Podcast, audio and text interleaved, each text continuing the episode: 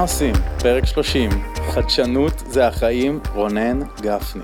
קצת על רונן גפני, פילוסוף עסקי, יזם, מייסד ומפתח משחק היזמות פרש ביז, מחבר משותף של הספר היזמים החדשים, מרצה בטדקס, מנחה ומאמן בינלאומי. את משחק העסקים שלו פרש ביז חוו מעל 100 אלף במעל 30 מדינות. ספרו היזמים החדשים תורגם לשלוש שפות ונקרא על ידי אלפי אנשים ברחבי העולם. את רונן שמעתי בהרצאה מגניבה על חדשנות בעסקים. אהבתי את נקודת המבט שלו על החיים כמשחק ואת החדשנות בתור נקודת המוצא שלו בכל דבר שהוא ניגש אליו. השיחה עפה כרגיל למקומות של בין ארבעים, לא צפויים, אך מאוד מהנים, ומצאתי שותף לשיחה עם גישה מאוד מיוחדת על החיים, עסקים, עושר ושפע. תהנו וספרו לי מה חשבתם.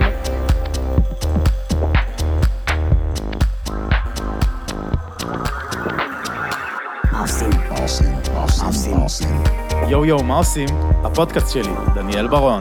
יא בדה בדו. אוהב שהזום התחילה לדבר איתנו, כמו כל שאר ה-AI שקיים אי שם בחוץ. שלום לכולם ולרונן גפני. שלום, כפיים. היי דניאל. אהלן, התחלנו אחרי הסמולטוק שלפני ההקלטה, ועכשיו אנחנו מתחילים כאן את הפודקאסט. איזה כיף. אני אגיד לכם, המאזינים, שראיתי את רונן בהרצאה על חדשנות דרך קליקת תפן, שחבורה של אנשים ממש חמודים, שאני עובד בקליקה חצור בתור מנהל קהילה, והם הזמינו אותי לבוא, היה ממש הרצאה כיפית וטובה ומדברת על חדשנות ועל שיווק ועל חדשנות בשיווק וכל מיני דברים כאלה, ואמרתי, וואו, אני חייב לדבר עם הבן אדם הזה בפודקאסט ולחפור קצת יותר לעומק על חדשנות ואולי קצת שיווק ואולי כל הנושאים האלה שבין לבין. אז uh, כמתבקש, מה חדש רונן? מה הדבר הכי חדשני שנתקלת בו השבוע? וואו, אה, מה הדבר הכי חדשני שנתקלתי בו השבוע? זה יכול להיות הכל, מחשבה, עסק, פודקאסט, אה, מוצר, מה שאתה רוצה. כן, האמת היא ש... אתמול היה לי איזה סשן עם עצמי, שבאו לי בו כמה תובנות שהן חדשות עבורי. ננסה רגע ככה... אה, אני אשמח לרכז את זה לאיזה, לאיזה הבנה אחת אה, ספציפית, אבל בוא נגיד ש... אפשר גם שלוש הבנות, כי אתה יודע שיש את הכלל הזה של השלוש, שתמיד רואים ביוטיוב, שהמון כן. יכול לזכור שלוש, כן?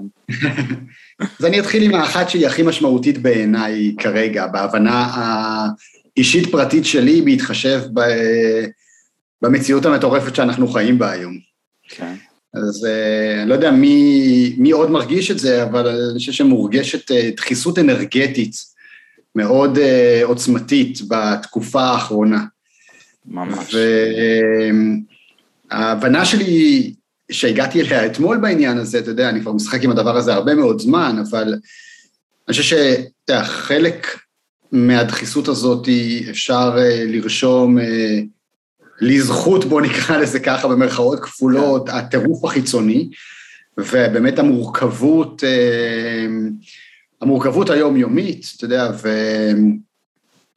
ו...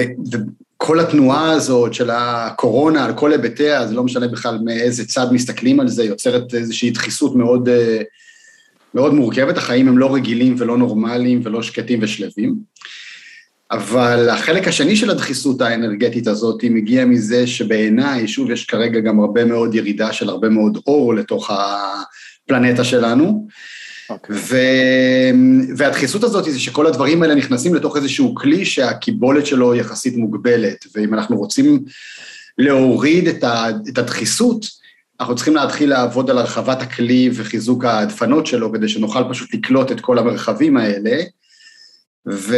וזה מבחינתי גם בשורה אופטימית, זאת אומרת, אה, אני כרגע עסוק בהרחבת הכלי הפרטי שלי, וכמה שאני יכול לעזור לאנשים אחרים להרחיב את הכלי הפרטי שלהם. אז זהו, אבל עולה, עולה לי פה מחשבה, יש או הרחבת הכלי, או להוציא ממנו דברים כדי שיהיה מקום לדברים חדשים.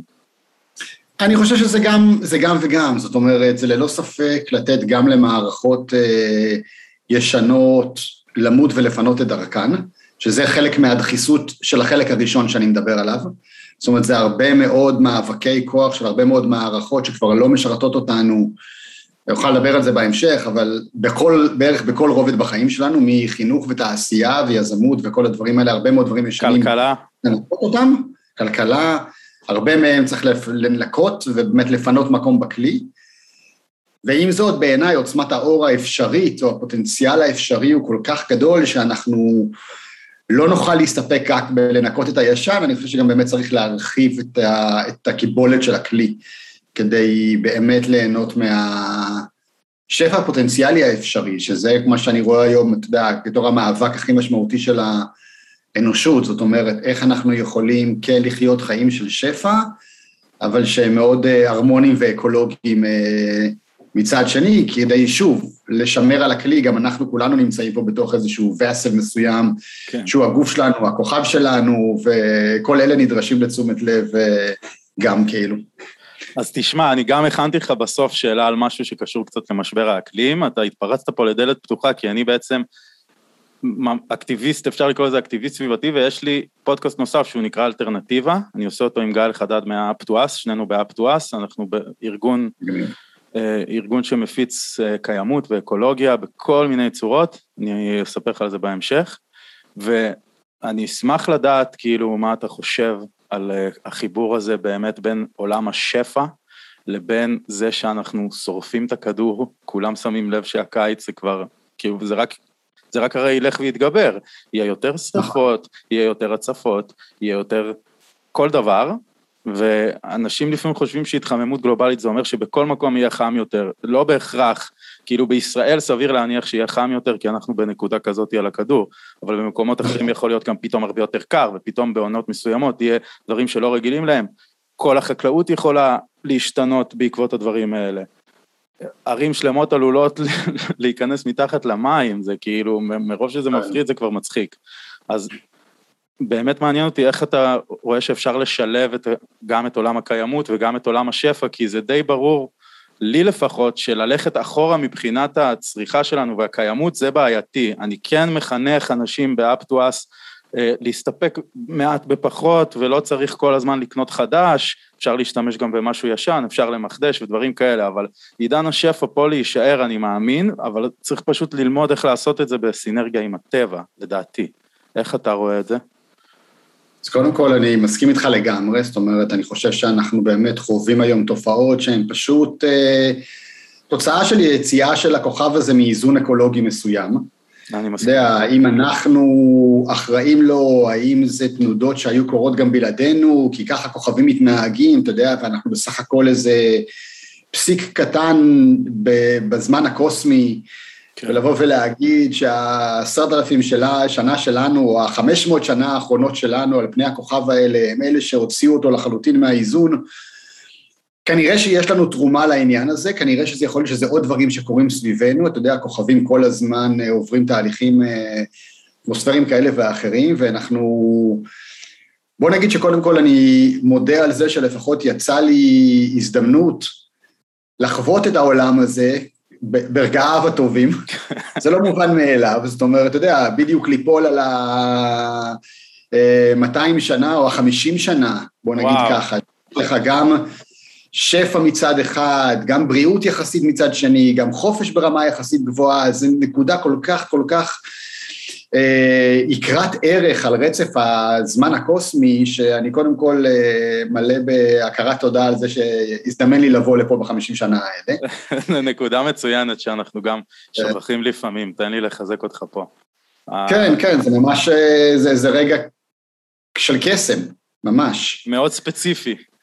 מאוד מאוד מאוד ספציפי, אני חושב שזה בלתי מובן עד כמה הוא ספציפי בראייה קוסמית. יובל נוח אה, הררי בפוד, כאילו, הוא הפך את כל הקורס שלו והספר גם לפודקאסט, הם העלו אותו, אז כמובן שעשיתי עליו בינד של החיים. גם אני, גם אני. מדהים. כל ה-26 פרקים של שעה וחצי. בדיוק. אז שמה זה נורא קל להבין כמה היה קשה פעם להיות בן אדם, כאילו, בוא נגיד מאז אה, המהפכה החקלאית, משהו כזה, קשה להיות בן אדם. נכון. רוב בני נכון. האדם עובדים קשה, ישנים מעט, מתאכזרים אליהם, גונבים להם, רוצחים אותם, אונסים אותם, הוא עושה שם אפילו איזה אה, סטטיסטיקה שהיום זו התקופה הכי בטוחה לחיות, גם עם כל המלחמות שכביכול, גם אפילו עם מלחמת העולם השנייה, עדיין זה היה יחסית בטוח לחיות בעולם בתקופה הזאת, נגיד, לעומת חמשת אלפים, עשרת אלפים שנה. כן, אז אני חושב שבאמת, אני לא ש... אה, כן, זאת אומרת, אני חושב שהיו לנו שתי תקופות טובות, אחת זה תקופה שלנו בתור ציידים לקטים, שהיינו מאוד מאוד מחוברים לטבע, ובאמת כמעט ולא היו מלחמות, ואתה יודע, כל אחד עם השבט שלו, החמישים איש שהוא הכיר כל חייו, ובזה נגמר העניין, זה נשמע לי כמו תקופה יחסית טובה, אה, יש בה את הקסם שלה, והחמישים שנה האחרונות, זאת אומרת, כל דבר בין לבין היה, היו מאבקים לא פשוטים בכלל. כן. אה, ועם זאת, אתה יודע, אם נחזור באמת לשאלה האקולוגית ולנושא של השפע, אני... אני חושב שהדבר הראשון שאנחנו נדרשים זה פשוט להגדרה מחודשת של שפע. Okay. אני אוקיי. חושב שאנחנו נתנו לשפע פרשנות לא, לא נכונה.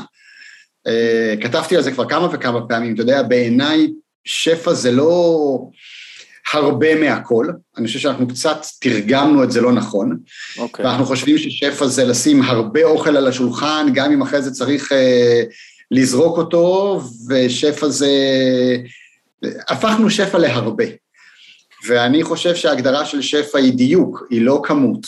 Mm. זאת אומרת, מבחינתי שפע זה איזושהי תנועה בעולם שבה אני יודע שהאבן הבאה במסע שלי תמיד תופיע לפניי, ואני גם לא צריך לראות 40 אבנים אה, לפניי במסע, ואני גם לא צריך לסחוב עוד 30 אבנים על הגב בתרמיל, רק כדי שאני אוכל להניח את האבן הבאה, כי זה בעיניי לגמרי. תודעה של המחסור ולא תודעה של שפע. נכון. אז אם אנחנו נהיה מדויקים, אתה יודע, וכל אחד יהיה מחובר למסע הנשמתי שלו, וכל אחד ייקח מהכוכב הזה רק את מה שהוא באמת צריך כדי לעשות את התפקיד שלו, ו... אז אני חושב שאנחנו נוכל לחיות עם העולם הזה בהרמוניה מטורפת. אני חושב שיש פה באמת אה, מספיק משאבי טבע כדי שכל אחד מאיתנו יוכל לחיות חיים ראויים וטובים וחופשיים. אה, אנחנו עושים לזה abusing פשוט, וזה הקטע העצוב. זה לא רק ברמת ההתחממות הגלובלית, אני חושב שזה בכלל באיך שאנחנו מתייחסים אחד לשני, באיך שאנחנו מייצרים את כל ההפרד ומשול הזה, באיך שאנחנו באיזה רדיפה אחרי משהו שלא באמת מביא לנו את האושר או את השמחה, או את המימוש או את ההגשמה, אז ההגדרה של שפע פשוט, אני חושב, דורשת איזשהו, איזשהו רענון. אני כן חושב שאנחנו ראויים ליהנות ממנעמי ה... הגוף וה... והמרחב, ה...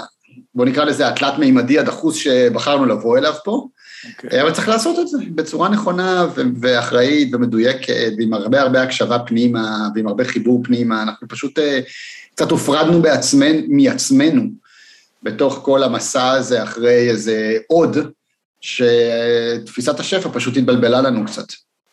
אני מסכים מאוד. עכשיו אני לוקח את מה שאתה אומר וגם אומר את זה אפילו על תפיסת העושר, שנגעת בזה עכשיו קצת.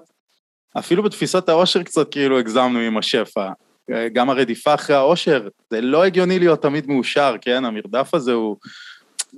צריך את האיזון הזה, אתה גם, גם אם הכל בסדר, אתה לא מאושר מאה אחוז, אתה בטוב, תזכור שאתה בטוב, והרבה פעמים נכנסים לאיזה מסע פנימי לא טוב ולאיזה הידרדרות, כי אתה אומר, אני לא שם, אני עוד לא שם, אני לא מאושר, אני לא... ואז אתה מזין איזה מין איזון חוזר שלילי, לופ שלילי, שמושך אותך מטה, וגם לזה, היי, לא חייב להיות מאה אחוז מהזמן מאושר, גם להיות פשוט סבבה וליהנות ממה שיש, להגיד תודה, כמו שאמרת, זה, זה העניין, לפי דעתי. לגמרי, אתה יודע, גם, אה, גם תסכול זה רגש, כן. ו...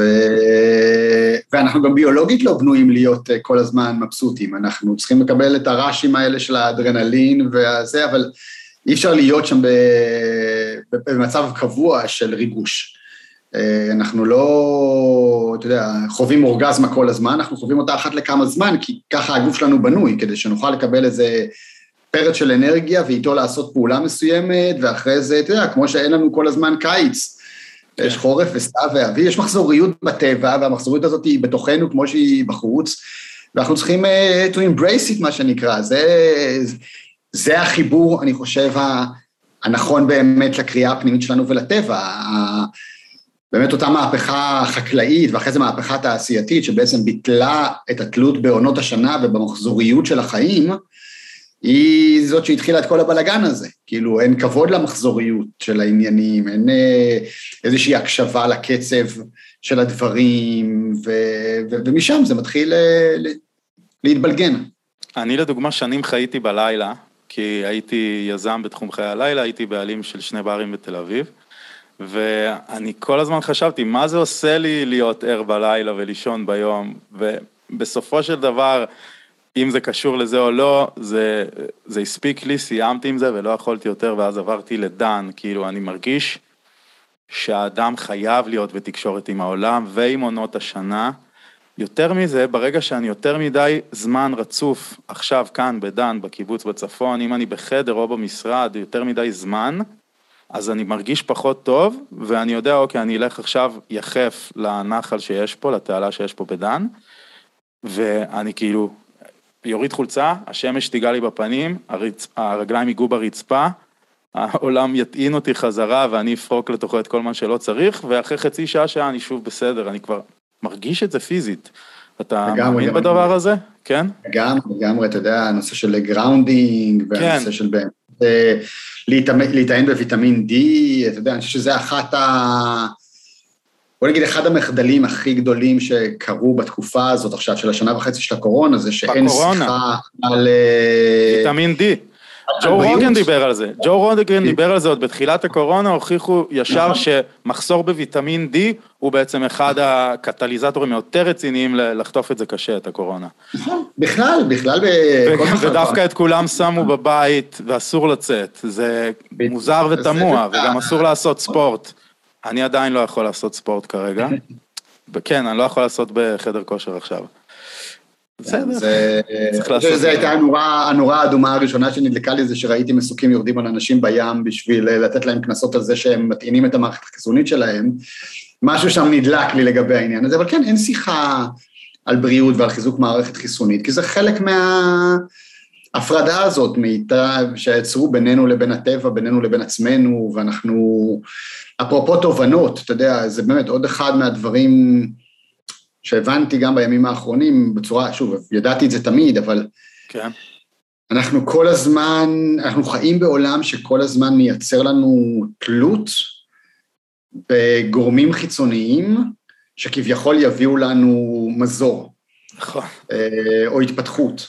נכון. אה, ואין בזה אמת, אתה יודע, הרי בסוף זה לא המכונית שחונה בחנייה, או התרופה שאני אכניס לגוף, או שיביאו לי את, ה, את האושר או את ההתפתחות, או... זה, העבודה הזאת היא הרבה הרבה יותר פנימית, ו, ואת זה קצת לקחו לנו. ואני חושב שגם שם מתחבא השפע האמיתי. אז זה לא איזה שיחה בודהיסטית, אתה יודע, על העניין הזה, וזה לא שאני לא חושב שיש לנו, באמצעות המדע שלנו, יכולות לפתח אותנו למקומות חדשים, ואני לא חושב שהיינו אה, מקבלים במתנה את היכולות המוחיות שלנו, אם לא היינו אמורים להשתמש בהן לטובתנו. אבל uh, צריך לדעת לעשות את זה נכון, האיזון פה והאקולוגיה בדבר הזה, בכלל אקולוגיה לא רק, ב, אנחנו מול הכוכב, אלא אנחנו מול עצמנו, היא, היא בעיניי המפתח פה. עכשיו, אני מזהה אצלך כאילו שורשים רוחניים כאלה, אני כן מזהה קצת בודהיזם וכל מיני מקומות אה, מזרחיים יותר, אתה יכול לשתף אותי אולי בכמה מחשבות שיש לך כאילו, מה תפיסת העולם שלך בנוגע לזה? זה, אני יודע, שאלה קצת כללית, אבל זה פתאום עניין אותי, כי כן אני שומע שיש את המקום הבודהיסטי-מזרחי, בוא נגיד, אה, לא יודע איך לקרוא לזה, לא של העולם החדש כן. של ה-use and dispose, אבל גם כן. יש את כל החדשנות, ואתה מתעסק בעצם בחדשנות, זה כאילו, אתה, הבאתי אותך לפה בגלל חדשנות, ככה הכרתי אותך. אז נכון. באמת, איך השניים האלה משתלבים? אני חושב שהם משתלטים מצוין, זאת אומרת, אה, קודם כל כן, אני, אני בא מגישה שהיא גישה, מתפיסת עולם רוחנית, אוקיי? ואני לא יודע להגיד לך אם היא יותר בודהיסטית, או... אה, אני לא למדתי בודהיזם, אני חושב שהיא מחוברת, אני חושב שבסופו של דבר, קודם כל, כל הגישות האלה אה, יושבות על אותה, על אותה אמת, על אותה פילוסופיה, אני רואה את זה ביהדות, אני רואה את זה במזרח, אני, אתה, בכל מקום שתחפש אתה תמצא בסוף את אותה, את אותה סוג של אמת, אבל בגדול, אתה יודע, התפיסה הרוחנית באה בסך הכל להגיד שיש יש עוד רבדים מעבר למה שנראה לנו במימד הפיזי. זאת אומרת, אנחנו כן, בתפיסה שלי, איזה שהן אישויות שיש להן אה, סיפור רב-מימדי. אנחנו לא רק אה, כאן איזה גוף שמתנהל בתוך... אה, בתוך איזה עולם אה, תלת-מימדי וצריך למצוא את דרכו בלי, בלי הבנה ובלי מטרה. אני כן חושב שיש אה, רבדים גבוהים יותר, שזה בעיניי הגישה רוחנית לדברים, זאת אומרת, לבוא ולהגיד, יש, אה, יש איזושהי סיבתיות אחרת לדבר הזה, יש איזושהי משמעות לדבר הזה, יש לנו נוכחות שהיא רחבה יותר, יש מימדים שהם נסתרים מאיתנו כרגע. אתה מאמין שיש איזו מטרה סופית של טוב? כאילו, לך לפחות, ב, אני מאמין שלך זה בסופו של דבר, ה-end goal זה להביא יותר טוב לעולם, או, ש, או המטרה של כל העולם, או הישויות האלה, מה שאתה קורא להן? כן, אני חושב בסופו של דבר, בסופו של דבר, כל עוד לא קיבלנו שום הוכחה חותכת לבאמת משמעות החיים, נקרא לזה, בסדר? הרי בסוף לא משנה מה אני חושב ומה אתה חושב, אנחנו מחליפים רעיונות, אין הוכחה לא, לדבר הזה. גם לא תהיה כל כך הוכחה לדעתי. נכון, לא יודע. לא יודע, אתה יודע, זה אין לי מושג, אתה יודע, אולי כן, אנחנו, אולי אנחנו בתוך הפריזמה המאוד מצומצמת שלנו, לא מסוגלים לראות איך בכלל אפשר להוכיח את זה, ובעוד עשרים שנה מהיום יקרה איזשהו מהלך אה, קוסמי מטורף, ופתאום זה יהיה ברור לכולם, לא יודע, אתה יודע. אבל אה, גם יכולנו להגיד פעם שאי אפשר להוכיח שכדור הארץ הוא עגול ורק נדמה לנו, ולעולם לא נדע. כן. אנחנו, הנה עובדה, אנחנו כן יודעים, אז אני לא יודע, אתה יודע, נכון להיום.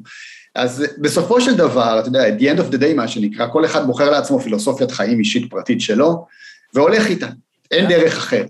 נכון. אז בשלי, בפרטית שלי, אני אומר שכן, אני חושב שהתפקיד שלי הוא להיות בהתפתחות, להביא, אה, בוא נגיד להיטיב עם המרחבים שבהם אני נמצא. זה תפיסת העולם שלי. אין לי, אם אני יכול לא לבחור להיטיב או לבחור להזיק, אתה יודע, בסוף אנחנו כולנו גם עושים נזק וגם עושים תועלת, גם החוצה וגם פנימה. אם uh, בסוף המסע הזה אני ארגיש uh, או אני אחשוב שהבאתי יותר תועלת מנזק, uh, אז, אז זה מבחינתי כרגע הפילוסופיית חיים שלי. זה... מקסים. כן. תקשיב, לקחנו את זה לקטע הרוחני שלי, בסדר, סבבה. עכשיו אני חוזר לאיזה שאלה, ואלו, אלו, אלו, חוזרים פה לעסקים, חבר'ה. יאללה, בוא נדבר על עסקים. אני הכרתי את המשחק, לא שיחקתי עדיין, אבל uh, הכרתי את המשחק שלך שבעצם פיתחת, וגם דרך המשחק וגם בפילוסופיה שמאחורי, אתה טוען בעצם שעסק זה משחק, אתה משווה עסק למשחק. עכשיו, יש פה כל מיני יזמים וחברים שלי שמתעסקים בעסקים וכן הלאה, אז אני רוצה קצת שנדבר על הדבר הזה, ואם עסק הוא משחק, אז מה המטרה, מה החוקים, איך מבצעים את זה טוב, איך הראיית עולם שלך עובדת? מעולה. אז, אז קודם כל בואו נתחיל עם זה שזה משחק, אוקיי? אני אומר שעסק זה משחק, אני אומר שבכלל העולם, העולם העסקי הוא משחק. אוקיי. ולא רק שהעולם העסקי הוא משחק, אלא בעצם כל עולם שאנחנו בראנו אותו, הוא עולם משחקי. מה הכוונה אנחנו בראנו אותו? אנחנו בראנו את עולם העסקים, זאת אומרת, זה לא איזו יצירה של הטבע, זה לא בא עם ה... out of the box, בראנו את זה, אנחנו המצאנו את הדבר הזה. כן. כמו שהמצאנו את מערכת החינוך, כמו שהמצאנו את מערכת הבריאות, כמו שהמצאנו כסף, כמו שהמצאנו הרבה מאוד דברים. כן. עכשיו, כל דבר שאנחנו המצאנו אותו, שהוא באמת יצירה של האדם, כן. יש לו מכניקה משחקית. זאת אומרת, אנחנו קבענו לדבר הזה איזה שהם חוקי פורמט מסוימים. אוקיי. קבענו מה תהיה המטרה, על מה נקבל נקודות, על מה נאבד נקודות, איזה מיומנויות צריך, זאת אומרת, כשאתה קם בבוקר ואתה הולך לעבודה שלך, או פותח את העסק שלך, ואתה עושה פעולות מסוימות, לא משנה מה הפעולות שאתה עושה, כן. אתה עושה את הפעולות האלה ולא אחרות, כי אתה מאמין שהם יקדמו אותך במשחק יותר מפעולות אחרות. זאת אומרת, אני אלך עכשיו, אני אשלח הצעת מחיר, ואני לא אזרוק אה, בלוני מים על עוברי אורח ברחוב, כי אני מאמין שזה יקדם אותי יותר במשחק שלי של הזה. כן. בתוך הדבר הזה יש כל מיני, אתה יודע, סטיות אישיות, אתה יודע, אני כן אראה בסוף שלוש שעות נטפליקס, ואני לא אשלח את ההצעת מחיר, כי זה כבר המערכת הפנימית שלנו שצריכה להתנהל בתוך המשחק הזה. אוי אוי אוי, הנטפליקס. אבל זה שיחה אחרת. אבל, אבל אתה יודע, אבל אותו דבר נכון לגבי בית ספר, אנחנו הולכים לבית ספר ואנחנו עושים את מה שאומרים לנו לעשות שם, כי אנחנו חושבים שזה יקדם אותנו במשחק, ואנחנו מדברים עם הבני או בנות זוג שלנו בדרך מסוימת, כי אנחנו חושבים שזה יקדם אותנו במשחק שקראנו לו זוגיות, לדבר הזה יש, יש חוקי משחק מסוימים, יש לזה פורמט מסוים. ואני חושב ששני דברים חשובים, חשוב לזכור לגבי העניין הזה. כן. אחד, שאנחנו המצאנו את זה, אוקיי? זאת לא אה, תורה מסיני, זאת לא יצירה, גם תורה מסיני אנחנו המצאנו אותה, אבל אה, זה לא איזשהו חוק טבע שאני יכול להחליט אה, לקבל אותו או לא לקבל אותו, הוא כנראה יעבוד. זאת אומרת, אני, אם אני לא יאמין בכוח הכבידה, זה לא יגרום לי לעוף. כן. בסדר? אלה חוקי המשחק הפיזיקליים, ואני חייב לשחק על פיהם. בחוקי המשחק של המשחקים שאנחנו המצאנו, חייבים לזכור שאנחנו המצאנו אותם, אנחנו עיצבנו את המשחק בדרך מסוימת, okay. אוקיי. אנחנו יכולים לעצב אותו אחרת. ואתה יודע, הדוגמה שאני הכי אוהב לתת, כי היא הכי פשוטה להבנה בעניין הזה, זה בית ספר. אז...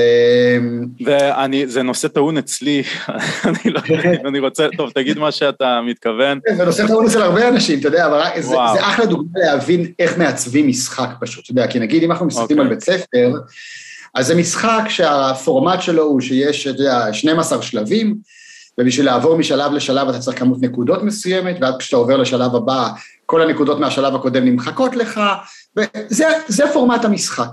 כן. עכשיו, בא, בא ילד הביתה וקיבל 60 אה, במבחן בספרות, בסדר? כן.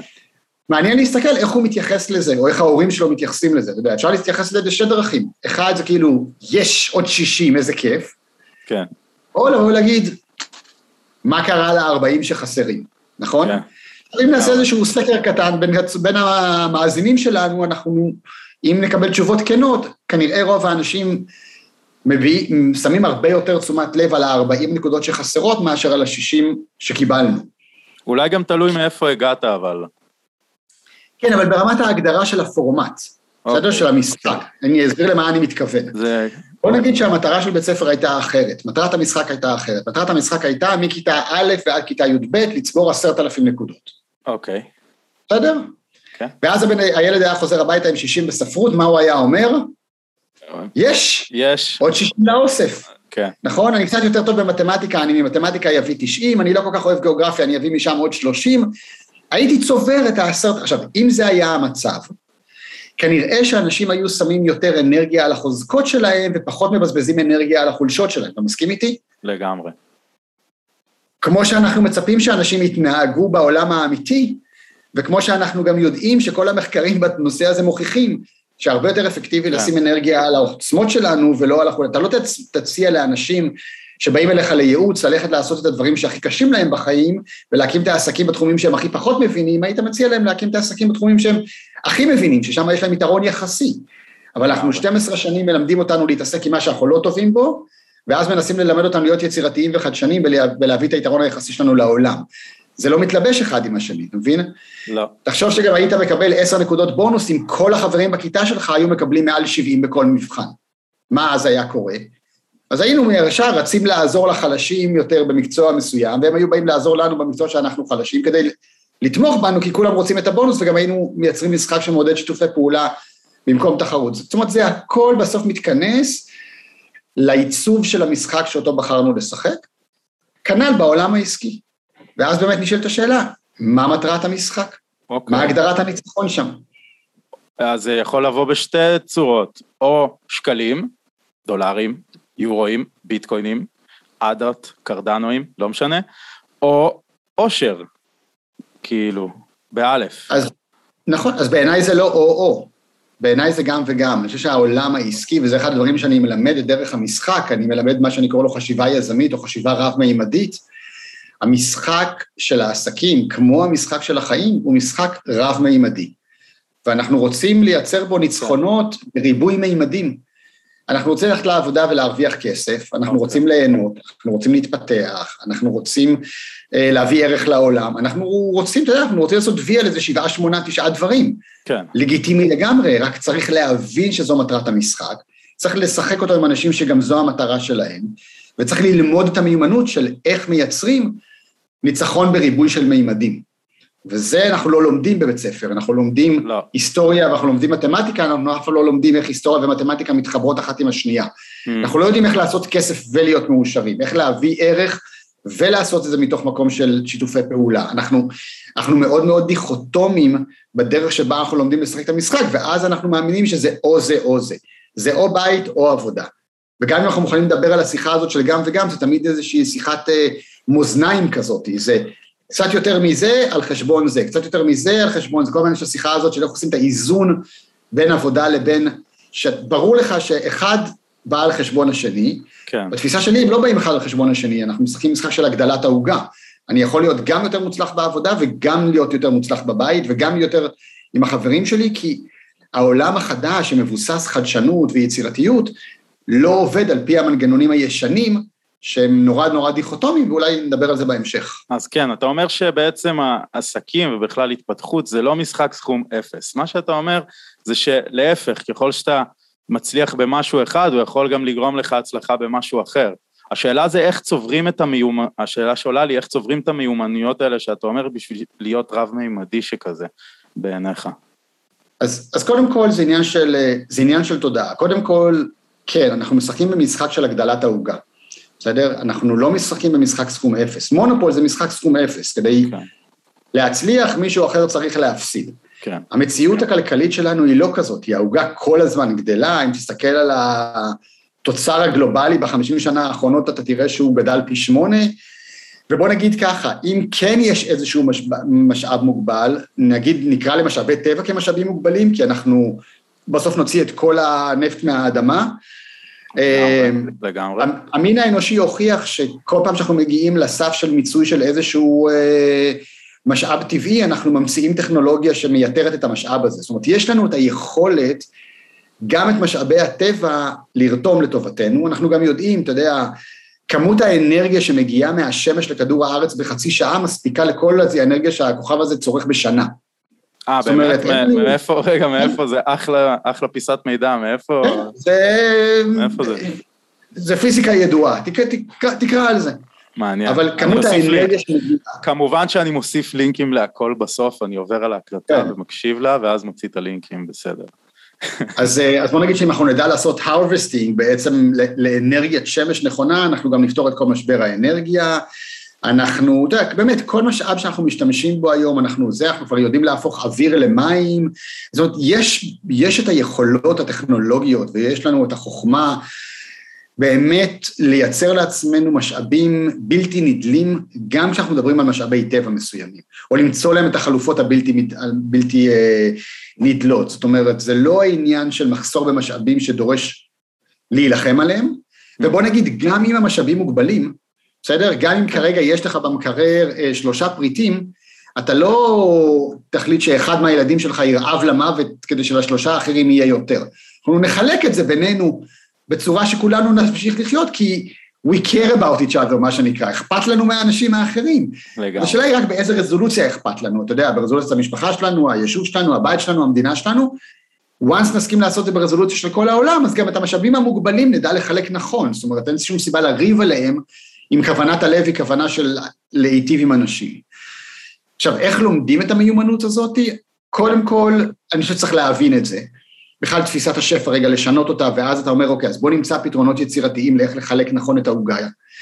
אוקיי. ודבר שני, אני חושב שהכי הכי חשוב להבין, זה שאנחנו כרגע שבויים באיזושהי קונספציה, מה שהתחלנו בשיחה, שכבר לא משרתת אותנו. זאת אומרת, אם נסתכל על ה... 500 שנה האחרונות, או בעיקר על ה-200 שנה האחרונות, אוקיי? ה-500 שנה האחרונות זה מהפכת המידע, ו... אוקיי. מהפכת ה... מדע יותר. מה זה?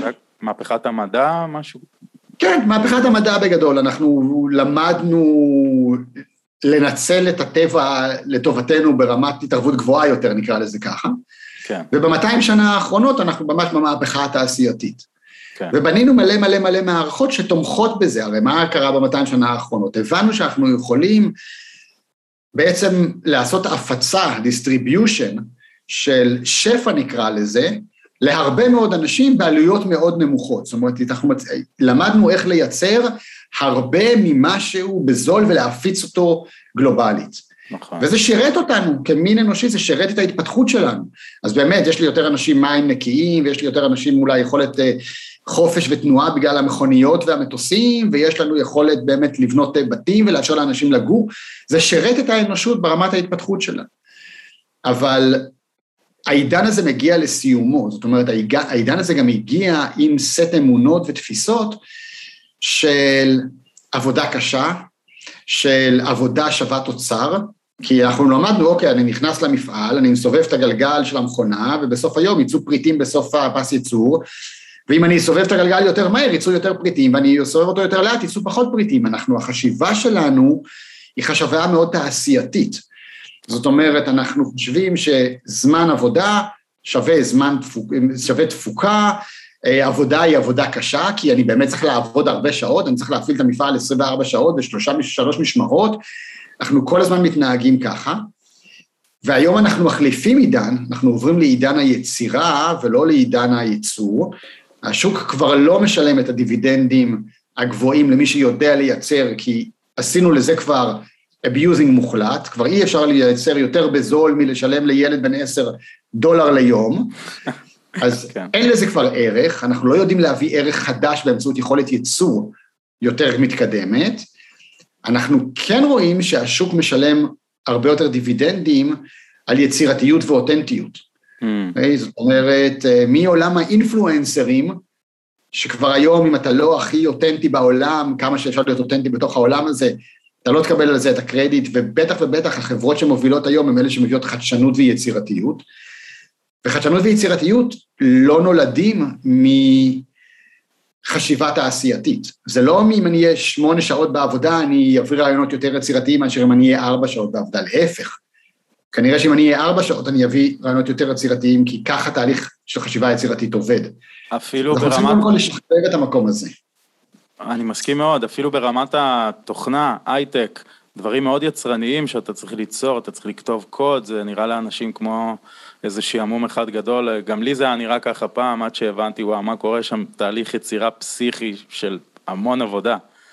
נכון, ו... נכון, המון עבודה, אבל המון עבודה שהיא עבודה יצירתית, ולא כן. רק יצרנית. כן, ואתה מקבל עליה... זאת אומרת, הרעיונות החוקים כן. מגיעים משם. לגמרי. עכשיו, שאלת פולו-אפ לדבר הזה, זה שיש את הנתון הזה שהוא מאוד מבאס, ש-70% מהעסקים נסגרים בשנה, ויש עוד mm-hmm. נתון שניסיתי למצוא אותו, אני לא הייתי בטוח לגביו, אני אזרוק אותו פה, אין עליו אחריות, 90% מהעסקים נסגרים בשנה הראשונה שהם נפתחים. אין לי אחריות על המידע הזה, אבל בכל מקרה ידוע שזה אחוזים גבוהים. אז נכון. מה אתה חושב שהסיבה לזה? מה, מה פה במשחק לא עובד טוב? מה, לא, מה, אנשים לא משחקים טוב את המשחק? מה קורה פה? קודם כל, אה, חלק מזה זה, זה תנועה טבעית של יצירתיות וחדשנות. אתה יודע, אתה בא ליצור משהו חדש, רוב הסיכויים שהוא לא יצליח. אוקיי, ככה זה, אתה יודע, עכשיו אני אזרוק אותך למטבח ואני אגיד לך עכשיו, אה, תבשל ארוחה למאה אנשים כשמעולם לא היית במטבח. Mm. בסדר? הסיכוי שהארוחה הזאת תצא אחת מהטובות שפגשתי, או שיזמינו ממך עוד ארוחה כזאת, הוא די נמוך. בסדר? אתה מגיע בלי מיומנות, הרבה מאוד אנשים שמגיעים לעולם העסקים מגיעים בלי מיומנות. עכשיו, okay. אוקיי. הם מגיעים עם איזשהו רצון אולי לבטא את הכישרון שלהם באיזושהי דרך, אבל זה לא מספיק בשביל להכיל מאה אנשים. זאת אומרת, אתה יודע, יש הבדל בין אני יודע לצייר לבין עכשיו אני צריך למכור ציורים כל חודש. אז אתה אומר דבר ב... אחד זה מיומנות, זה חוסר מיומנות כאילו אמיתי בעסק שאתה נכנס אליו, יכול להוות את התוצאה של אה, סגירת עסק. חוסר מיומנות בלנהל עסק. כן. יכול להיות שאתה טוב במה שאתה עושה, אבל אתה לא יודע איך לנהל את זה. ויש לזה עקומת למידה, והעקומת למידה הזאת, בגלל שהיא מאוד יקרה, אוקיי? כי אתה צריך להכיר, אתה מקים עסק, אתה צריך לחיות ממנו, ואם אתה לא תופס את המיומנות מאוד מאוד מהר, אתה תצא מהמשחק, אז הרבה מאוד יוצאים מהמשחק בשנה הראשונה, הם פשוט לא מספיק מיומנים mm, בלעשות את זה. נכון. תחשוב, אנחנו מגיל אפס ועד סוף האוניברסיטה, לא לומדים ולו שיעור אחד אולי, אתה יודע, יש פה ושם כמה בתי ספר, אבל לא לומדים שיעור אחד בבנקאות, בהלוואות, בניהול עסקי, בהתנהלות פיננסית, בשיווק. כן. אז, אז ברור שבן אדם בגיל 27 מגיע עכשיו פעם ראשונה בחיים שלו לתוך העולמות האלה, רמת המימונות שלו תהיה נמוכה. כאילו, אין, כן, אין ספק. זה, זה אחד הדברים שרציתי להגיד לך, שמרתיחים אותי על מערכת החינוך, אבל זה לא ספציפי לישראל, זה בכל העולם, זה כל המערכת. כל העולם, לגמרי. אני פשוט מרגיש מה אפשר לעשות ב-12 שנים לבן אדם. אתה יכול ללמוד ב-12 שנה כמעט הכל. אתה יכול נכון. לכתוב קוד בצורה הכי טובה שיש אם אתה לומד את זה כל יום 12 שנה. אתה יכול להיות ספורטאי על, אתה יכול להיות אומן מטורף, אתה יכול, כל דבר שאתה בוחר כמעט, ב-12 שנה אתה תהפוך להיות פה וירטואוז ברמה בינלאומית, ועם זאת, אף אחד אף אחד אין לו את הצ'אנס לעשות את זה, כי אתה, כמו שאמרת, צריך לחלק את זה בין כל מיני נושאים מוזרים, חשובים, כן או לא, על זה אפשר להתווכח, אבל הם לא מוציאים אותך עם איזה מיומנות בסיסית שאתה יוצא איתה, מקצועית, בוא נגיד, לעולם החדש. זה, זה מה שאותי מרתיח, זה מה שאותי נכון. מרתיח. זה נכון, אבל זה גם ברור, בגלל שככה מעוצב המשחק. זאת אומרת, המשחק של בתי הספר לא בנוי להוציא אותך יזם. נכון. אוקיי? המשחק של בתי הספר בנוי להוציא אותך פועל. נכון. לצורך זה נבנו בתי הספר, הם נבנו, הם הוקמו עם תחילתה של המהפכה התעשייתית. לפני זה לא היו בתי ספר, לפני זה היחידים שקיבלו השכלה היו אנשי המעמד הגבוה, אותה, אותם אצילים ששלטו בקרקעות בעידן החקלאי, ואם תבדוק מה הם למדו, הם למדו בדיוק את זה, הם למדו אומנות ופילוסופיה, והם למדו את כל הלימודים האלה שמפתחים חשיבה אחרת. Mm. הם גם למדו מן הסתם ראיית חשבון כדי לנהל את הראיית חשבון של האדמות שהם הולכים לרשת מההורים שלהם, הם למדו את זה. בתי הספר נולדו כדי לייצר פועלים למפעלים במהפכה התעשייתית, אז אתה לומד גם... להיות פועל, אתה לא לומד להיות בעל מפעל. אתה לא לומד לקחת הלוואה, כי אם תלמד לקחת הלוואה, אז אולי לא תיקח את זאת שהבנקים יציעו לך, שהם אלה שהם הבעלים של בתי הספר. Mm. אז הכל, הכל מזין את הכל אה, זה. וזו אחריות אישית שלנו ללמוד את זה. אז בוא נגיד שאם אדם רוצה להקים עסק, העצה הראשונה שיש לי זה קודם כל לך תלמד את המיומנויות הנדרשות כדי להקים עסק. את ה basic לפחות. איך עושים את זה? אתה מכיר איזה בית ספר, בית ספר שנותן קורס מקצועי טוב ללפתוח עסק? ולא לא, כאילו, אני לא מדבר איתך לעשות תואר עכשיו בניהול עסקים, זה גם כן לא רציני בעיניי. עכשיו, שלוש שנים ללמוד דברים לא קשורים בשביל לפתוח נכון, עסק, אני... לדעתי לא קשור. נכון, אני, אני לא מכיר בית ספר ספציפי, אני מכיר הרבה מאוד יוזמות, אתה יודע, זה גם מה שאני עושה, יש לי אה, קורס ביזמות, יש, יש כל מיני תפיסות בכל מיני רבדים, יש כל מיני בתי ספר שנוגעים בכל מיני היבטים. יש לך קורס ליזמות, אז תשלח לי, אני אשים אותו באינפו פה למטה. אני אשלח בכיף. אני גם חושב שזה חלק מהעניין של העולם החדש. זה, זה לא להחליף בית ספר ישן ובית ספר חדש, אני חושב שזה לשמר את אותה פרדיגמה מחשבתית. Mm. אני חושב שהעולם החדש הוא עולם שמבקש מאיתנו הרבה יותר אחריות אישית, והרבה יותר אחריות אישית אומר שאני בונה לעצמי את המסלולי הלמידה שלי. Mm. זאת אומרת, זה ריבוי מקורות השכלה, זה ריבוי מקורות הכנסה, אנחנו צריכים לייצר לעצמנו ריבוי מקורות בכל דבר שאנחנו רוצים לגעת בו בחיים שלנו, אתה יודע, זה כמו שזה לא להחליף את הבית חולים הישן בבית חולים חדש. Mm. אוקיי, אז אני לא סומך על הרופאים בבית חולים הישן, כי אני חושב שהראייה שלהם היא מאוד מאוד צרה וחד-מימדית, אבל אני גם לא רוצה להחליף אותם בבית חולים חדש, שבו יהיה רופאים אחרים עם ראייה מאוד חד-מימדית וצרה, אבל הם יעשו דיקור סיני ולא יעשו אה, רפואה קונבנציונלית. אני חושב שאנחנו צריכים לבנות לעצמנו ריבוי מקורות אה, השכלה בעניין הזה, ריבוי מקורות הכנסה, ריבוי מקורות ריפוי. אנחנו צריכים לקחת אחריות על החיים שלנו, ואת כל זה להתאים למי שאנחנו. אתה יודע, יש מישהו שכן רוצה להיכנס לעומק עם אה, הלוואות ובנקים והנהלת חשבונות, ויש מישהו שרוצה להיכנס לעומק עם חשיבה יצירתית וחדשנות, וכל אחד לאן שהוא צריך ללכת. העניין הוא שאנחנו תמיד חוזרים בסופו של דבר, לא משנה, יודע, זה עוד פעם מתחבר למה שדיברנו בתחילת השיחה שלנו, למקום של היכולת לקחת אחריות אישית על החיים שאנחנו חיים אותם, בהתאם לפילוסופיה הפרטית שאנחנו מפתחים לגבי החיים. נכון, זה הרבה יותר מורכב, אין לך על מי להישען, אף אחד לא יכול להאכיל אותך בכפית במה נכון ומה אמת. כן. אנחנו חווים את זה מאוד מאוד מאוד חזק בשנה וחצי האחרונות, אתה יודע, אני חושב שאחד הדברים שהקורונה הביאה לחיים שלנו, בלי כרגע עם הבעד חיסונים, נגד חיסונים, יש וירוס, אין וירוס, כל הסיפור הזה, היא, היא הביאה לאיזושהי רמת קיצון את היכולת להבין שאין אמת אחת. Mm. בסדר? גם האמת המדעית כביכול היא לא אחת.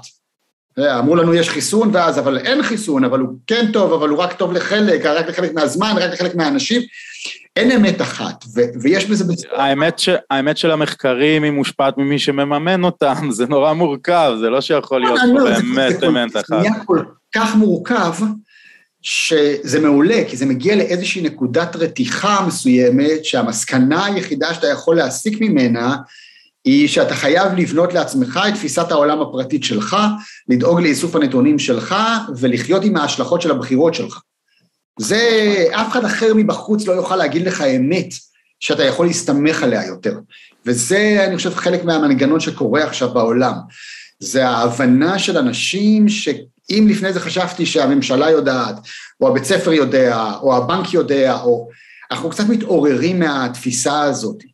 יש לי פרק בספר שלי, הפרק האחרון בספר נקרא All In, ללכת על כל הקופה. Okay. אוקיי. ואני מנסה להעביר לשם את, את המסר של, אנחנו לא מבינים okay. עד כן. כמה אנחנו All In כבר עכשיו, בכל כך הרבה מערכות ששמנו בידיים שלהם את החיים שלנו, שאתה יודע, אני, אני כתבתי את הפרק הזה כי אנשים ששמעו את הסיפור שלי, שמכרתי את הבית שלי בשביל להקים את העסק שלי, אמרו לי, וואי, איזה מטורף אתה, אתה הולך אול אין על הדבר הזה, איך היה לך אומץ?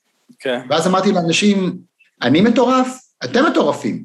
אתם כן. הולכים אול אין על החינוך של הילדים שלכם בבית ספר, אתם שמים את כל הכסף שלכם בבנק, אתם סומכים על האוניברסיטה שתלמד אתכם את מה שאתם צריכים לדעת, אתם, אתם אול אין, אתם הולכים לרופא ועושים את מה שהוא אומר, אני אול אין, אתם אול אין, אני אול אין על הדברים שאני לוקח עליהם אחריות. אני מעדיף להיות אול אין על מה שאני אחראי עליו ולא על מה שמישהו אחר מזין אותי, אז אני לא נגד ידע של אנשים אחרים, אבל בסוף אנחנו צריכים לבנות לעצמנו איזשהו סט מאוד מאוד אישי וספציפי של מקורות אה, מידע ותפיסות עולם, שעל בסיסם אנחנו מבססים את החיים שלנו, ושם מגיעה היצירתיות האמיתית, איך אני עם כל הדבר הזה בונה לי חיים שהם בעלי משמעות עבור. וואו, זה באמת נכון, ב... אני ממש מסכים לצורת חשיבה הזאת, באמת צריך בתקופה הזאת בעיקר לנסח לעצמך איזה אני מאמין, אני רשמתי לעצמי איזה אני מאמין כזה ממזמן, אני מנסה פעם בשנה לחזור אליו ולראות אם אני עדיין מאמין באותם דברים, כי, כי זה גם מש, משתנה, אני לא חושב שאני אאמין, בטח, אני, אני לא רוצה להיות בן אדם שכל החיים שלו האמין את אותו דבר והוא לא מוכן לתת למציאות להוכיח לו דברים אחרת. אני, אני מבין את זה ש... כנראה אני אשנה עוד מלא פעמים את הדעה שלי לגבי כל מיני נושאים, אבל זה אחלה. זה כל הקסם. זה כל הקסם, כל הקסם זה לדעת כאילו לקבל את המסרים האלה, או איך שלא תקרא לזה מהיקום, להבין, אוקיי, אם עד עכשיו חשבתי ככה, אני רואה שזה לא בדיוק מתחבר, אפשר לשנות, הכל בסדר. כאילו, נכון. כן, ועכשיו לקחת אותי לקטע שנורא מעניין בעשייה שלך, שאתה דיברת כזה על לאיך לנסח את הדברים האלה, איך לבחור מה לעשות, וזה מביא אותי להתעסקות שלך באינטואיציה. עכשיו, גם בהרצאה שאני שמעתי אותך, וגם ראיתי אותך בעוד כל מיני דברים בתחקיר לפרק הזה, ויש לך באמת חיבה לאינטואיציה, יש לך הסתכלות נורא יפה על זה. אני רוצה ש... שתרחיב למאזינים איך אתה חושב שזה נכון לפעול מאינטואיציה ולמה אתה עושה את זה, ואם זה בכלל, לפי דעתך, דרך בוא נתחיל עם זה דרך לגיטימית לקבל החלטות, כי אני יודע את התשובה לזה, אבל תגיד ש... אני חושב שזה דרך הכי לגיטימית לקבל החלטות, כן. אם, אם יודעים לעבוד עם זה נכון, זאת אומרת, אה, אני חושב שבאמת בשיחה על אינטואיציה, אה, אתה יודע, אז מתחברים אה, צד ימין וצד שמאל של המוח שלי, אני מצד אחד בן אדם, כמו שדיברנו מקודם, רוחני ויצירתי, כן. מצד שני, אני גם בן אדם מאוד אה, לוגי ואנליטי, אני בא מרקע של, אתה יודע, פיתוח תוכנה, אני עושה את זה בערך מגיל 14 ועד... אה, אה באמת? לפני אה, 15 שנה או משהו כזה, אתה יודע, זה היה רוב ה... אז, אז אני מגיע מהעולמות האלה, אני חושב כמו מתכנת, גם אם אני כבר לא נוגע בקוד הרבה מאוד שנים, חשיבה שלי היא מאוד לוגית, אז אני... אז אני אוהב גם את העולמות האלה וגם את העולמות האלה, זאת אומרת, בתוך הסדנאות שלי אני תמיד מביא גם את העולם של המדע והפיזיקה וגם את העולם של הרוח, ואני גם באופן אישי, עד ששני הדברים האלה לא מתיישבים לי נכון ביחד, אם אני לא מבין גם את הפיזיקה של זה וגם את הרוחניות של הדבר הזה, זה לא הופך אצלי לחלק מהפילוסופיית חיים שלי, אז אני כל הזמן עסוק בחיבורים mm. בין העולמות האלה, ואני חושב שהשיחה על אינטואיציה היא, היא בדיוק כזאת, זאת אומרת, אה, בתפיסה שלי יש לנו שתי מערכות של קבלת החלטות. כן. אחת זה המערכת הרציונלית, לא הרציונלית, השכלית נקרא לזה, המודעת, היכולת שלי כביכול לקבל החלטות שאני יודע להסביר אותן, בוא נגיד ככה, בסדר? גם ההחלטות שאני מקבל בחשיבה שלי, המודעת, הן מושפעות מהרבה מאוד דברים שאני לא מודע להם כשאני מקבל אותם, זאת אומרת, מרגשות, מסיפורי עבר שלי, מכל הדברים האלה, אבל בוא נגיד ההבדל המרכזי בין החלטה שהיא החלטה, נקרא לזה מודעת, לבין החלטה שהיא החלטה אינטואיטיבית, כן. זה שבהחלטה מודעת אני כביכול יודע לצייר לעצמי את עץ ההחלטה. אוקיי? אני יכול להגיד, בגלל זה, אז זה זה, ובגלל זה, אז זה, ובגלל זה, אז זה, ובגלל זה, ובגלל זה החלטתי ללמוד תואר ראשון. כן. בסדר? זאת אומרת, אני מסוגל לצייר איזשהו עץ החלטה וכביכול להסביר לי ולאנשים אחרים למה התקבלה ההחלטה הזאת. האינטואיציה היא גם מנגנון קבלת החלטות, רק שהוא קבלת מנגנון החלטות נסתר יותר, אני לא באמת מבין או יודע להסביר את האלגוריתם שקיבל את ההחלטה הזאת. במקרה הראשון אני כביכול יודע להסביר את האלגוריתם, במקרה השני אני כביכול לא יודע להסביר את האלגוריתם, וזה ההבדל. אנשים קודם כל מבלבלים, חושבים לפעמים שהחלטה מודעת היא החלטה רציונלית והחלטה של אינטואיציה היא החלטה רגשית או מהבטן, לא. אין שום החלטה בעולם שהיא החלטה רציונלית, אנחנו, אנחנו יצורים אמוציונליים, יש לנו מודע ויש לנו תת מודע כנראה, ושום החלטה שלנו היא לא החלטה נקייה, אוקיי? היא תמיד מושפעת מי. מעבר לזה, גם יש מחקרים על זה שהרבה פעמים שאתה חושב שעשית החלטה רציונלית, אתה ממש לא עשית אותה מבחינה רציונלית, אתה רק אחרי שכבר החלטת מבחינה רגשית, נתת לזה הסבר. נכון, כביכול קשור נכון. למציאות. בדיוק, אני גם אמצא את המחקרים האלה ואוסיף אותם פה למטה. אני חושב שזה גם, אני חושב שזה גם, אני אגיד משהו מצחיק, אבל אני חושב שזה ברור לנו אינטואיטיבית, שזה, שההחלטות שלנו הן לא רציונליות, הן מושפעות ממגוון רחב של מה שהופך אותנו לבני אדם, כאילו, ו, ו, ורגש, וזה מעולה, אנחנו לא צריכים לקבל החלטות רציונליות, אנחנו צריכים לקבל החלטות שהן עובדות לנו. אני אגיד לך, אבל ו... אם תגיד את זה לבן אדם רציונליסט, הוא יפתח פה חתיכת דיון על זה והוא לא יסכים איתנו. הוא יכול לפתוח על זה דיון, אבל זה עדיין לא הופך אותו לבן אדם לא רגשי, אוקיי? גם הוא מופעל זה, ואם נחפור מספיק עמוק ל... לטיקים שמפעילים אותו, גם שם אנחנו נגלה את המנגנונים הרגשיים שמפעילים אותו, יכול להיות שאפילו הוויכוח עצמו זה מנגנון רגשי אצלו שמופעל אה, בגלל סיפור כזה או אחר. זאת אומרת, אפשר להתווכח על זה, אבל אני לא חושב שיש לזה הרבה, הרבה ערך. אם, אם יש אנשים שחושבים שהם לא יצורים רגשיים, ורגשות או סיפורי עבר שלהם לא משפיעים על ההחלטות שלהם, אז so be it, אז אין בכלל מקום לשיחה, אתה יודע, זה לא, זה כמו להתווכח עם בן אדם, זה כמו להתווכח על הנושא של בחירה חופשית, כן. אוקיי? האם אנחנו חיים בעולם של בחירה חופשית, או האם אנחנו חיים ב, בעולם דטרמיניסטי שהכל זה תגובה ותוצאה. אף אחד לא יכול להוכיח לא את זה ולא את זה, והוויכוח הוא חסר טעם מלכתחילה. אבל יש לי משפט מאוד טוב שאני אדחוף אותו עכשיו, כי אם כבר דיברנו על זה, שהוא אומר, בין הגירוי לתגובה, מצוי חופש הבחירה. כי... אם אתה מאמין בו. כן, אם אתה מאמין בו.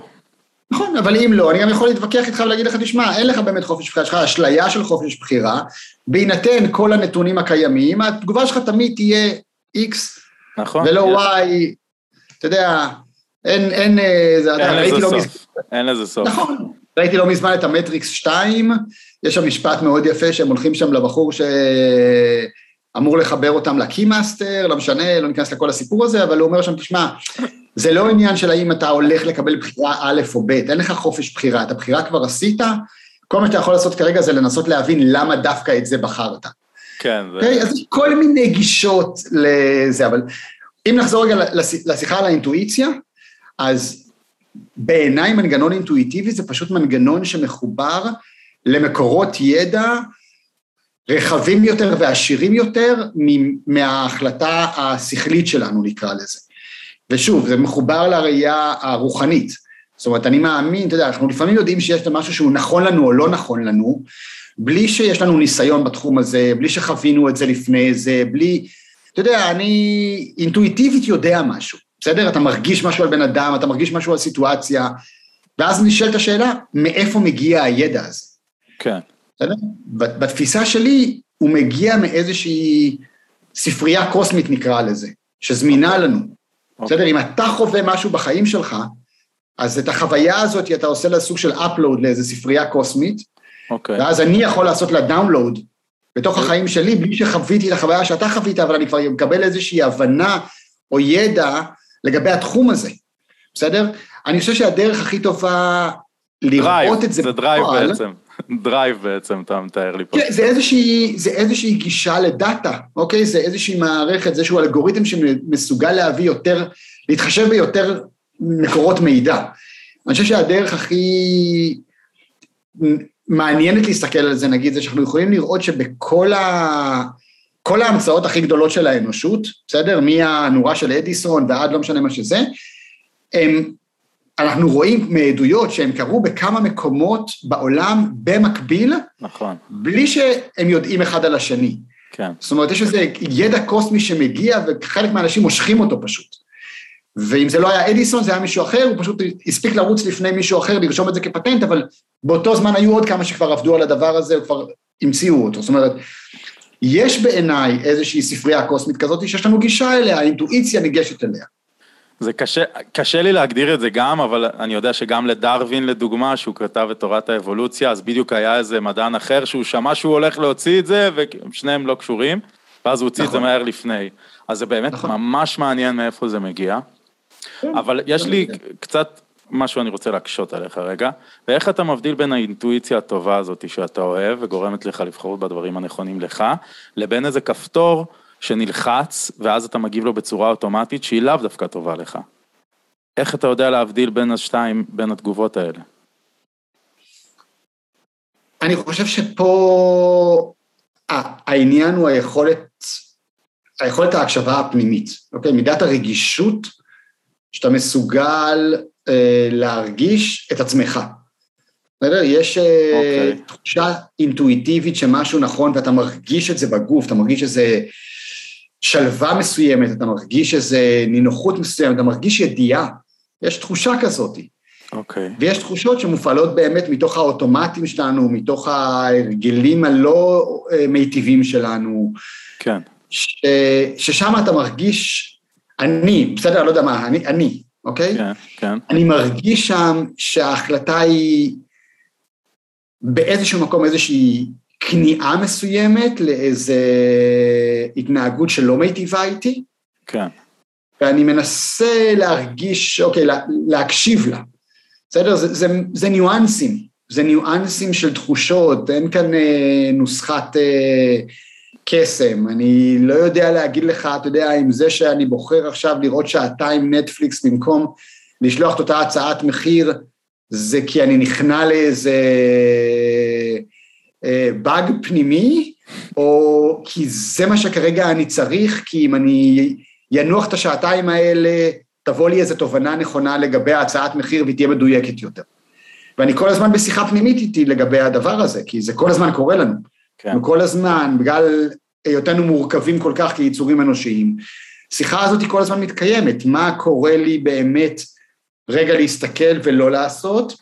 בוא נגיד, אני חושב שזה בעיקר במקומות שאנחנו יודעים שאנחנו עושים דברים שפוגעים בנו, או לא עושים דברים שמיטיבים איתנו. או. אוקיי? אז... כושר, סיגריות כמו שאני מעשן. נכון, נכון. אז, אז יש שם שיחה, שיחת בירור, שאין לה אמת אחת. זה לא סיגריות זה רע או טוב. זה האם סיגריות זה טוב או רע לי, לגוף שלי, בכמות המסוימת הזאתי, בזמן המסוים הזה, ברגע הזה בחיים שלי, זו שיחה יותר מורכבת. ואתה יודע, יש אנשים שהם מעשנים כל חייהם ו- ו- ומתים בגיל 104, וכל חוקי הסרטן לא, לא תקפים לגביהם. כן. ואתה יודע, אני תמיד נותן, תמיד, אני לא עושה ספורט, אוקיי, אף פעם לא נמשכתי לזה, זה לא מושך אותי, גם על זה הייתה לי דרך אגב תובנה אתמול. אני עושה, אוקיי? אני עושה, אבל דווקא שיש לי שבועיים שאני בלחץ עבודה מטורף, ופשוט הזנחתי את זה לגמרי תוך שבועיים, כאילו, יצאתי לרוץ פעמיים. מרגיש עם זה רע. אז אני לא, לא, לא יצאתי לרוץ, אני חושב, איזה 40 שנה, משהו כזה, אתה יודע. ואולי חטאתי באיזה 4-5 פעמים שכן ניסיתי, אבל בזה זה נגמר, זה לא עושה לי את זה, אתה יודע. ושוב, זה גם תפיסה, אתה יודע, יש אנשים שעבורם הגוף זה מקדש, ועבורי הגוף זה מיכל, ואני רק צריך לתחזק את המיכל, אני לא צריך לקדש אותו, ואני מרגיש אינטואיטיבית מה נכון לי ומה לא נכון לי, ואני מעדיף לאכול נכון במקום לרור. כל אחד עם, עם סט הבחירות הפרטיות שלו, אין, אין אמת אחת בתוך הדבר הזה, וצריך להיות מאוד מאוד קשובים לשיחה הפנימית הזאת. כן, מה שעוזר בספורט זה למצוא משהו שאתה אוהב לעשות, ואז הוא לא נתפס... כבר בצבא ובעוד, גם אפילו שיעורי ספורט בבית ספר, ישר שמים, ספורט נתפס בתור עונש. נגיד בצבא בעיקר, אני דיברתי על זה עם מישהו בפודקאסט, שעשית משהו רע, לך, לך לגבעה, תרוץ עד לשם, תחזור. שיט, עכשיו אני צריך נכון. לרוץ, ואז זה כבר נתפס לך בראש בתור איזה משהו רע, ו... אה, נכון, אני- עוזרים לך התניה שלילית לפעילות הגופנית הזאת. נכון, גם חלק מהעניין. אז וואי, זה... תקשיב, קודם כל אחלה שיחה, ממש כיף. אני רואה שאנחנו עוד רבע שעה מסיימים וזה מבאס אותי, אז אני אתחיל להריץ ככה שאלות אה, כן. יותר מהר, כי... יאללה. אני אענה במשפט אחד. אני אענה במשפט. עכשיו, אני אגיד לך, הכנתי שאלה ל-up to us, שזה הארגון שלנו מתל אביב, אז אה, היא הולכת ככה, אנחנו up to us, האב לקיימות אורבנית, מקדמים אה, יוזמות, שיתופי פעולה, מלא תרבות וכיף, תערוכות, עושים גם שיווק ותוכן בר קיימא לכל מיני גופים וכל מיני כאלה. אנחנו רוצים להרים קמפיין מודעות ענקי למשבר האקלים, שבהמשך יתבטא ככוח קנייה שיוביל את היצרנים ליצור דברים ירוקים יותר מהדרישה של הציבור בעצם. רציתי להתייעץ איתך על איזה מחשבה חדשה כזה מהעולם שלך, איך אפשר כבר להביא את הדבר הזה לאור הזרקורים, וכאילו למרות כל מה שקורה, עדיין אני מרגיש שזה בתחתית סדר העדיפויות של רוב האנשים, לפחות בארץ. אולי יש לך איזו מחשבה מעניינת חדישה. אני גם יעניין את המאזינים, שדיברתי איתך על הפודקאסט פעם שעברה שנפגשנו, ואתה הבאת לי שם מה זה הסתכלות יפה וחדשנית לגבי איזה פיתוח יכול להיות לפודקאסט. דיברנו על איזה AI מיוחד כזה, שייצור לכל בן אדם ספציפית ויז'ואלים שיתאימו לו בהתאם לדברים שנאמרים בפודקאסט. וואי, אגב, צריך לעשות סטארט-אפ כזה, באמת, זה כאילו, איך עוד לא עשינו. כן, כן, יעשו, יעשו. אמ, אז רציתי... תשמע, זו שאלה מאוד, שאלה מאוד מאוד מעניינת, אתה יודע, אני חושב על זה הרבה גם, אתה יודע, כי בסופו של דבר, השאלות של קיימות והשאלות של, שאני שואל, אתה יודע, יזמים בתוך הזה שלי, חוזרים עוד פעם, תמיד לנושא של האחריות האישית. אוקיי. והאחריות האישית, בסופו של דבר, בטח בטח בתקופה המאוד מסוימת הזאת, שוב, מתקשר למה שדיברנו מקודם, כן, מחייבת אותנו להסכים להרוג משהו ישן בנו, Mm, בסדר? זאת אומרת, אנחנו, כדי, לה, כדי לאמץ התנהגות חדשה, אנחנו חייבים לתת למשהו ישן למות. בעיניי תמיד הבחוץ הוא שיקוף של הבפנים, אוקיי? הכוכב אה, זועק בגלל שאנחנו בפנים זועקים. אני הכי מסכים אה, בעולם, איזון- הכי מסכים בעולם. חוסר האיזון שבחוץ הוא נובע, הוא שיקוף של חוסר האיזון שבפנים. ואני תמיד, אתה יודע, בוא נגיד, בטח ובטח בשנה האחרונה, אני מבין יותר ויותר שהשיחה היא רק שיחה פנימית. נכון. אם, אם אני אעשה את מה שאני אמור לעשות בפנים, אז העולם שבחוץ ישתנה, באמת, ליטרלי, זה לא כל כך... אה, וגם בנושא של קיימות, אתה יודע, כשאני הסתכלתי על זה, אמרתי, איך אני יכול להיות טיפה יותר אקולוגי? אמרתי, אוקיי, על מה אני מוכן בסופו של דבר לוותר? יש פה הרי בסוף ויתור. כן. אנחנו צריכים להסכים לשנות אורך חיים מסוים. ואני חושב שהדרך הכי פשוטה לעשות את זה, זה לבוא ולמצוא את אותם גורמים שהם גורמים אקוטיים, נגיד באקולוגיה, אוקיי? זאת אומרת, את אותה פעולה אחת או שתיים, שאם אני אעשה אותם, האימפקט יהיה הכי משמעותי, אוקיי? זאת אומרת, האם זה באמת זה שאני אזרוק את הפלסטיק למחזור, או האם זה זה שאני אוכל פחות בשר? בסדר? כנראה, כן, שתאכל פחות. כנראה השני. כן. אוקיי, ברור, אתה יודע, אז בוא נגיד שהיום אנחנו כבר די מבינים שהגורם מספר אחד בעולם זה הנושא של הבשר.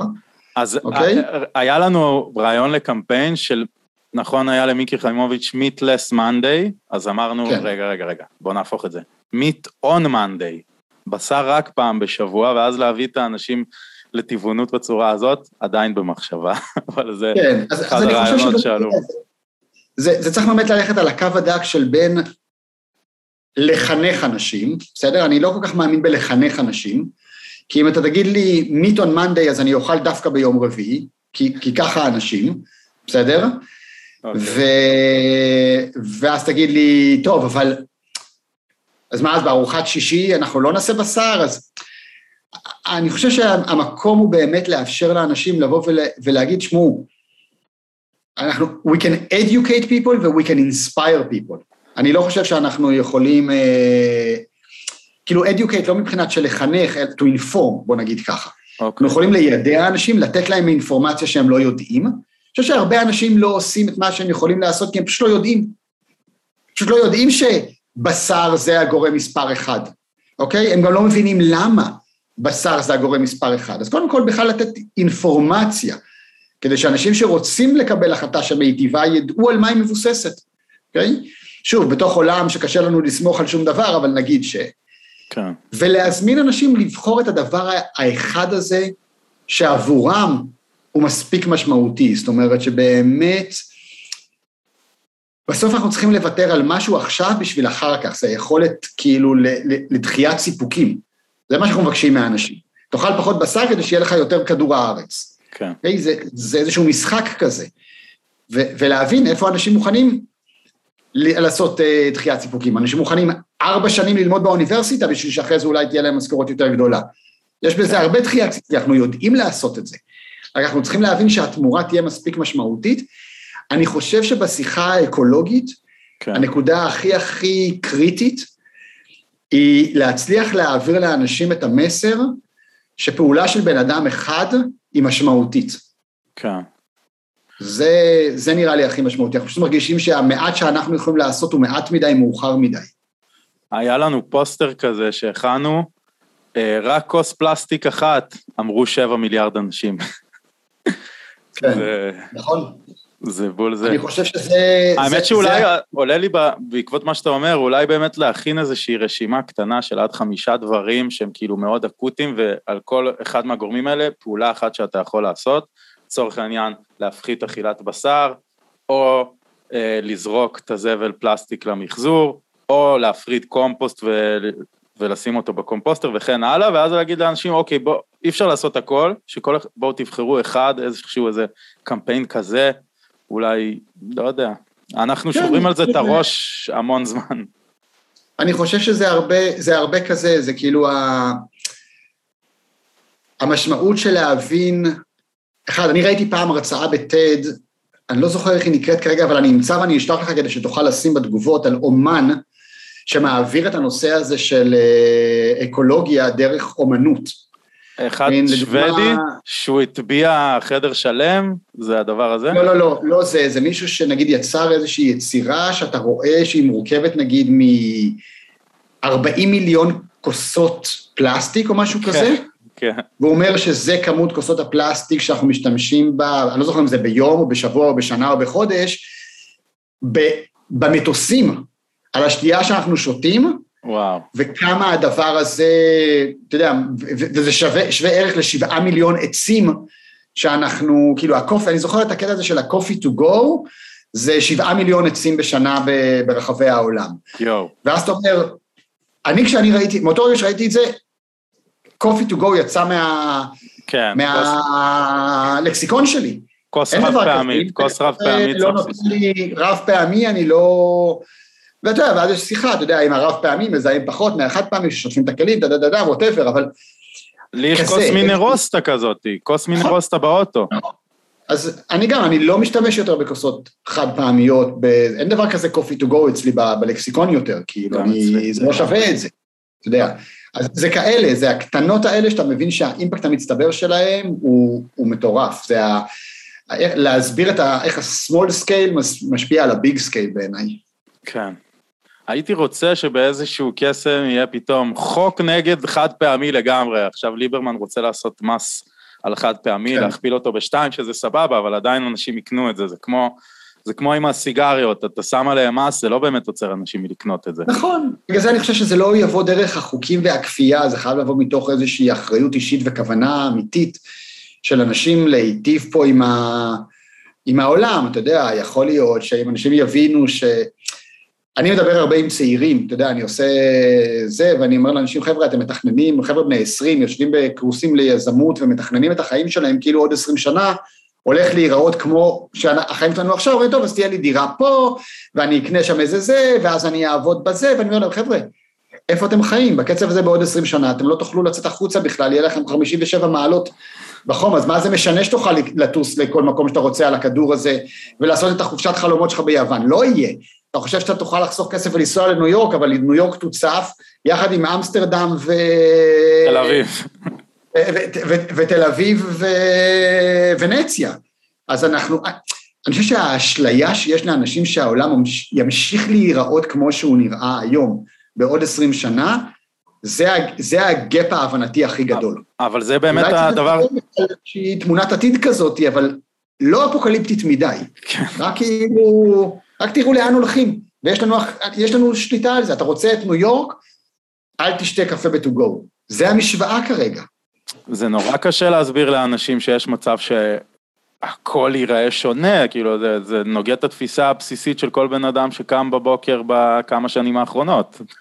למרות שזה כבר נהיה מקיץ לקיץ, זה נהיה די ברור מאליו.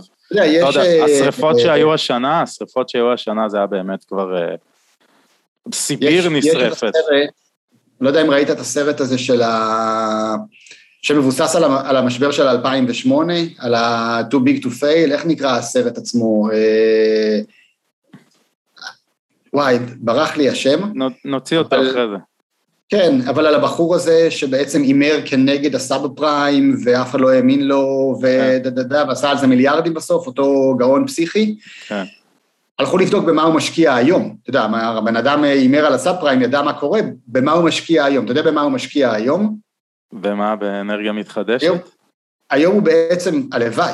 ביטקוין? הוא לא, תראה, באנרגיה מתחדשת משקיעים אנשים שמאמינים בטוב. אוקיי? אנשים ריאליסטים שמסתכלים על המציאות ורוצים to benefit מהמציאות, אוקיי? הוא השקיע בסאב פריים בגלל שהוא ידע שזה יקרוס, הרי הוא עשה, הוא עשה שורטים על, על החברות האלה, כי הוא ידע okay. אוקיי. שלשם זה הולך. כן. אנשים מאוד פרגמנטיים. כן.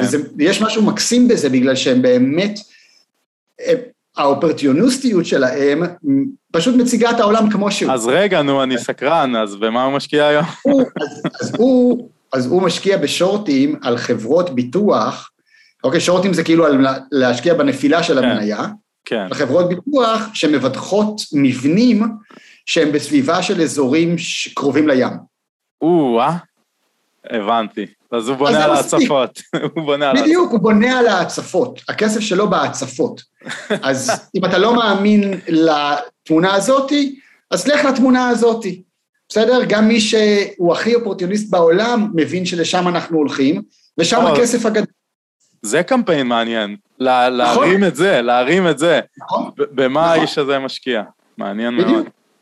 אז, אה, אז אם הוא הולך לשם, אני סומך על זה שהוא יודע מה הולך לקרות פה. אז מאיזה כיוון שתסתכל על זה, לשם אנחנו הולכים. ועכשיו כל אחד יכול לבחור את הבחירה האישית שלו בעניין הזה. עכשיו אה, קטע מאוד אהוב עליי בפודקאסט, אנחנו הולכים כזה קצת לאזור טיפים, דוגמאות, תן את זה זריז, כי אנחנו כבר באמת אה, עפנו לנו. כן. אה, אז אני רציתי כמה דוגמאות, אתה הבאת מאוד יפות בהרצאה הקודמת שהייתי שלך, על חדשנות בעסקים. Mm-hmm. ואני סתם אתן לך דוגמה מה אני זוכר, שאדידס, היית בלונדון או משהו, אדידס שמו שולחן ענקי של WeWork באמצע החנות נעליים, אנשים יכולים לבוא פשוט לעבוד בחינם. ואז אתה אמרת, הנה, תראו. זה לא שולחן של WeWork, זה שולחן עבודה משותף, WeWork זה כבר מותג בפני עצמו, אבל כן. כן, אה, אולי נפלט לי, לא, כאילו, של אה, שולחן של עבודה משותף. בדיוק, נכון, ואז... כן, ואז אתה אומר, אז יבואו לפה אנשים, וזה, ואז אם הם כבר פה ויעבדו, אז הם לא יקנו כבר איזה אדידס, הם יקנו, וזה גם טוב לקהילה, זה טוב לכולם, ואדידס גם עושה איזה נעל אחת מבקבוקים, למרות שהם עדיין תאגיד ענקי של... אגב, תעשיית האופנה היא השנייה הכי מזהמת בעולם. כן, נכון, נכון. שגם כן. בזה כבר יש פתרונות היום יותר מעניינים. גם ישראלים, דרך אגב, יש פתרונות ישראלים מגניבים לגבי הנושא הזה של אה, חברת קורנית. חברת קורנית זו חברה שבעצם פיתחה אה, יכולות הדפסה על בדים, mm. ברמה כזאת שהרי מה, מה מזהם בעצם את תעשיית האופנה? זה זה שכשאני רוצה עכשיו ללבוש את החולצה הזאתי, אז, ואם אני רוצה שיהיה עליה נגיד הדפסה, שכתוב עליה ווין בחזקת ווין, כי זה הלוגו של פרשביז, uh, כן. אז אני צריך לשלוח את זה למפעל בסין, ושם הם צריכים להדפיס את זה, ואז זה עולה על אונייה, והאונייה מזהמת את כל הדרך, כדי שזה יגיע אליי. הם יצרו טכנולוגיה מאוד מאוד מתקדמת של הטקסטיל. כן, תסביר. ואז תסביר. בעצם אני יכול לשלוח את זה למדפסת מקומית שנמצאת בשכונה שלי, ולהדפיס לעצמי את הבגדים שאני רוצה, וחסכתי את כל הזיהום הסביבתי של כל, הסביב, כל הדבר הזה. אז יש מלא מלא פתרונות נורא חכמים שכבר קיימים, רק צריך להכיר אותם ולתמוך בהם כלכלית פשוט. להשתמש בהם. אז תן לי עוד איזה שתי, שתי דוגמאות לחדשנות בעסקים שראית, משהו כזה, משהו של... אז, אז אני חושב שבאמת בהמש, בהמשך ל, לדוגמה שדיברת עליה עם אדידס שנתתי באמת, עם, עם לונדון, אני חושב שבאמת הנושא הזה של המיקס יוז, מה שנקרא, mm. הוא, הוא, הוא יבוא לידי ביטוי בהרבה מאוד רבדים. זאת אומרת, זה בעצם הבנה של חוויית החיים של הלקוח שלי, ולא רק של הלקוח שלי כצרכן ספציפי. זאת אומרת, מה שאדידס הבינו, זה איך להתחבר לחוויית הלקוח הרחבה, חוויית החיים הרחבה יותר של הלקוח שלי. Mm. הוא לא רק מישהו שקונה מוצרי ספורט, הוא כנראה יזם או בעל מקצוע חופשי, הוא צריך לעבוד באיזשהו מקום, להיפגש עם אנשים, הוא רוצה איזושהי אווירה מסוימת, הוא מוציא כסף על ה-WeWork שהוא קונה פעם בחודש, אז אולי אני אחסוך לו את הכסף הזה ואז הוא יפנה אותו לקניות, זאת אומרת, זה איזושהי הבנה יותר רחבה. אני חושב שבכלל ההבנה שאנחנו היום בכלכלת חוויות, אפרופו מה ששאלנו בהתחלה, מה זה שפע, mm. אוקיי? אני חושב שברגע שאנחנו, אם אנחנו רוצים להיות יותר אקולוגיים ועדיין לחיות בחברה של שפע, אנחנו פשוט צריכים להמיר את ה stuff ל experiences. הרי בסוף גם אתה וגם אני יודעים שאנחנו יותר מאושרים לא מהנעל החדשה שקנינו, אלא מהמפגש החברתי המגניב עם החברים שלנו על הדשא, שבאנו אליו עם הנעל החדשה שקנינו, כן. בסדר?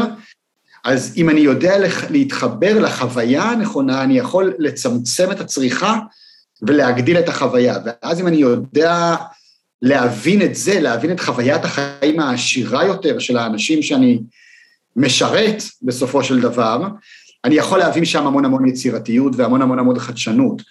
אז זה באמת יכול להיות אה, אדידס עם השולחן הקהילתי, זה יכול להיות אמזון עם החנות שאין בה קופות, כי אני מתחבר לאיזושהי חוויית חיים של זרימה מסוימת, ו, וזה יכול להיות באמת להמיר מוצרים לשירותים, לחוויות, לידע, לעשות אותם יותר לוקאלי במקום גלובלי, ואז לחסוך הרבה מאוד מהזיהום שאנחנו מייצרים בגלובליות הזאת.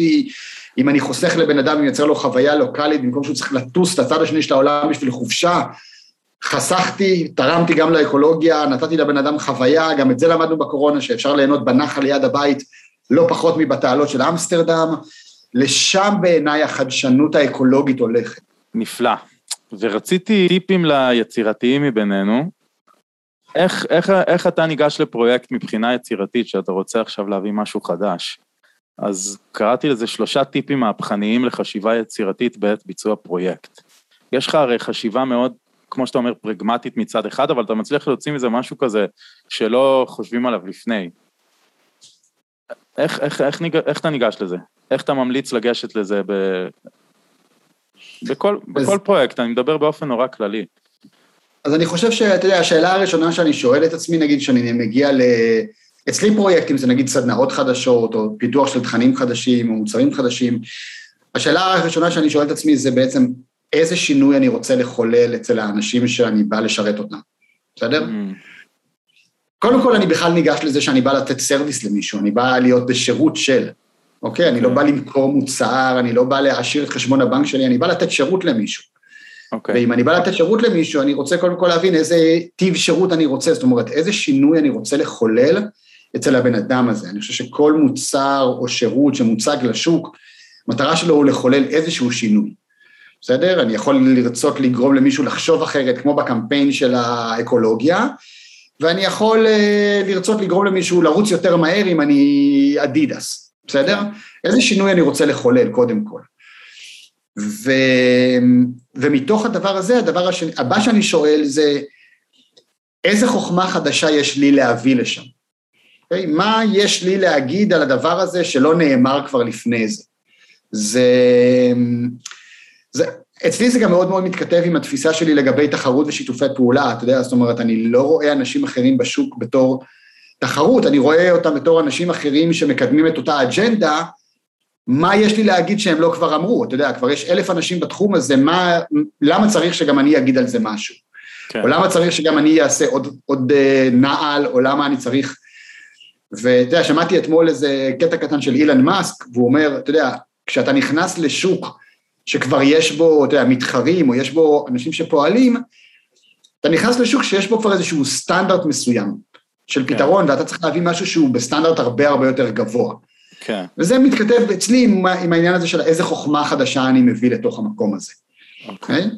כן. ואז השאלה השלישית זה איך אני מביא את החוכמה הזאת בלייצר יותר טוב מרע. בסדר? כי אם אני אבוא ואגיד, תשמע, אני אביא נעל יותר מהירה, אבל הנעל היותר מהירה הזאת עכשיו תגרום לעוד אלפיים ילדים בני עשר לעבוד בשביל חצי דולר ביום, בשביל שמישהו יוכל לרוץ קצת יותר מהר בגלל שהוא, אתה יודע, חייב לפרוק את הלחץ שלו באיזשהו מקום, זה לא מספיק טוב, מבין אותי? אוקיי, כן. אז כשאני מתחיל לחבר את כל השאלות האלה, בסוף אני מגיע לאיזושהי שאלה שאומרת, אוקיי, אז מה, אז מכל הדבר הזה, מה, מה נובע ממני חדש? איזה נביאה חדשה יש שם? מה עולה בי שיש בו איזשהו משהו שהוא עם איכות חדשה לחיים שלי? ואז את האיכות החדשה הזאת אני מנסה לתרגם למוצר או לתוכן או לחוויה. זה התהליך שאני עושה בתוך, ה, בתוך הדבר הזה. מהמם. עכשיו, יש לך גם איזשהו סוג של פעילות כזאת שסיפרת לנו עליה, שמגיעים לאיזושהי סדנה של יצירתיות, אבל בעצם אין על זה שום דבר שאתה יודע מלפני. נכון? אתה רוצה לספר על זה קצת? נכון. זה קורה עדיין? זה קורה עדיין? מתרחש? כן, קודם כל זה כל הזמן קורה, זאת אומרת, אני כל הזמן מייצר... אה, זה הסדנה הבאה שלי באוקטובר, היא נקראת מפחד לחופש. אה, היא כבר, היא כבר מלאה, אבל יש כל הזמן כאלה. אז נא לעדכן אותי, נא לעדכן אותי בסדנה הבאה, קודם כל אולי אני אבוא וגם... נוסף. וכן, אני, כשהסדנאות שאני מוציא, אנשים שמגיעים לא מקבלים סיליבוס. כן. אני אף פעם לא מפרסם סיליבוס של הסדנה, מה יש שם, הם יודעים שהם מגיעים ביום אה, ראשון בבוקר ועוזבים ביום שלישי בצהריים, מה קורה בין לבין הם לא יודעים, הם רק יודעים איכויות מסוימות שמופיעות שם, אבל לא את הסילבוס משתי סיבות, אתה יודע, אחד בגלל ש... וזה לא סדנה שהפוקוס שלה הוא חשיבה יצירתית, אבל זו סדנה שמזמינה אותך לחשוב אחרת על היבטים מסוימים בתוך החיים שלך. אז מהבחינה הזאת היא יצירתית, היא באה להזמין אותך להסתכל. אם אני אגיד לך מראש על מה אתה הולך להסתכל אחרת, הרסתי חלק מהתהליך היצירתי. כן. בסדר? כי אני כבר אומר לך איך אני רוצה שתחשוב בעקבות זה. כן. בסדר? אני גם אף פעם לא, בתוך העולמות תוכן שלי לא בא ואומר לך, תשמע, ב' יותר נכון מא', בוא תקשיב למה יש לי להגיד על ב'. אני אגיד לך, תשמע, הנה הצעת הגשה מסוימת, תבדוק אם זה עובד לך. אוקיי. אז זה גם בעיניי חלק מהתהליך היצירתי, זה לתת לך לעשות את החלק שלך בתוך מה שאני הבאתי לתוך הדבר הזה. זה גם מביא אנשים שלא רוצים לדעת מראש, אז הם מלכתחילה באים פתוחים יותר, סקרנים יותר, אז הם מן הסתם אנשים שיודעים לעשות עבודה יותר טובה עם רעיונות חדשים. Mm. ואני גם לא רוצה להגיד לך שלושה חודשים מראש על מה תהיה הסדנה, כי אני לא יודע mm. מה בדיוק יהיה בסדנה, אני מגבש את התכנים הסופיים ממש סמוך לסדנה, כדי שהם יהיו הכי טריים ורעננים. Mm. אם אני אגיד לך חצי שנה לפני מה הולך להיות בסדנה, אני גם אף פעם לא אעשה סדנה, אתה לא תראה אותי היום מעביר תוכן שהעברתי לפני חמש או שש שנים. Mm. חוץ מהמשחק שלי, שאני חושב שהוא עדיין רלוונטי. כי התכנים כל, וגם הוא משתנה כל הזמן, והדרך שבה הוא מועבר משתנית כל הזמן. Mm. אמ, כי אני חושב שאנחנו צריכים להביא כל הזמן את הדבר הכי, הכי רענן והכי רלוונטי ממש רגע לפני שזה קורה, אז כל אחד ייקח על עצמו את הטווח שהוא צריך בשביל בסוף לארוז את זה. אבל אני לא צריך הרבה מאוד זמן בשביל לארוז את זה, אז אני יכול להביא לך דברים שהם באמת נכונים ללפני, שבוע לפני הסדנה. אדיר. אמ, וזה הרעיון, לא להתקבע על משהו שאחרי זה אני מחויב אליו. אוקיי, אז נא לעדכן אותי פעם הבאה שזה קורה. אה, עכשיו שאלות בשורה, ממש לפני שנסיים, ממש תן לי רק שורה. אם, אם זה יהיה יותר משורה, אני אגיד לך, יאללה, עברנו שורה. שורה. אה, טיפ ליזמת המתחילה, בשורה. אמ, להתחבר לקהילה של עוד יזמים, ללמוד מאנשים אחרים. נהדר. עצות ללוגו הורס. עצה, שורה. עצה ללוגו הורס. וואי. אמ, לפתוח פינטרסט ולקבל השראה מאנשים שעושים דברים יצירתיים מאוד. מדהים. Uh, התובנה האחרונה שלך, על זה האמת עברנו בתחילת הפרק. כן. Uh, טוב, uh, זה מוביל אותנו לסוף, פה אתה יכול לתת גם קצת יותר משורה, וזה המסר שלך לעולם. Uh, וואלה. בוא נגיד שאני חושב שהמסר המרכזי שלי לעולם זה הבקשה של מאנשים לשים סימני שאלה על uh, כל דבר שלימדו אותנו שהוא אמת. זה, זה בעיקר.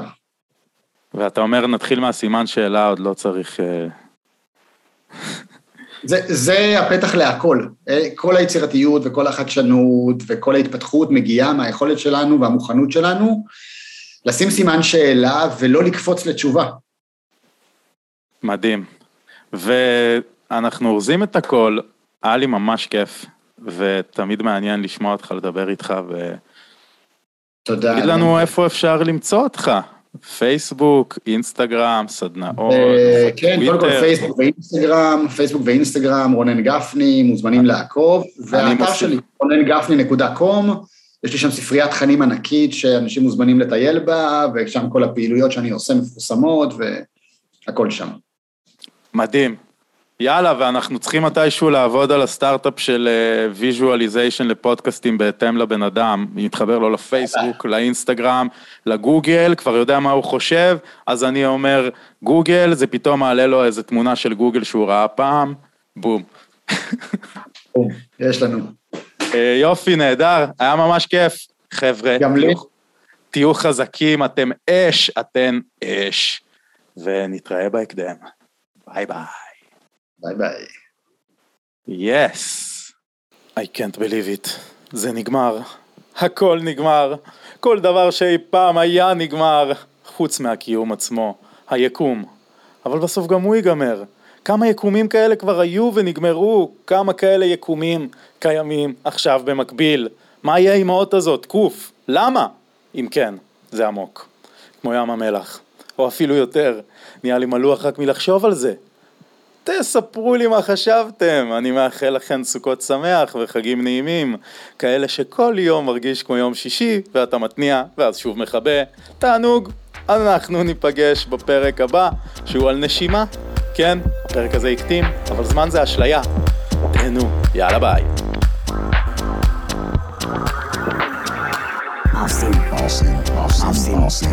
יואו יואו, מה עושים? הפודקאסט שלי, דניאל ברון. יא בדה בדו.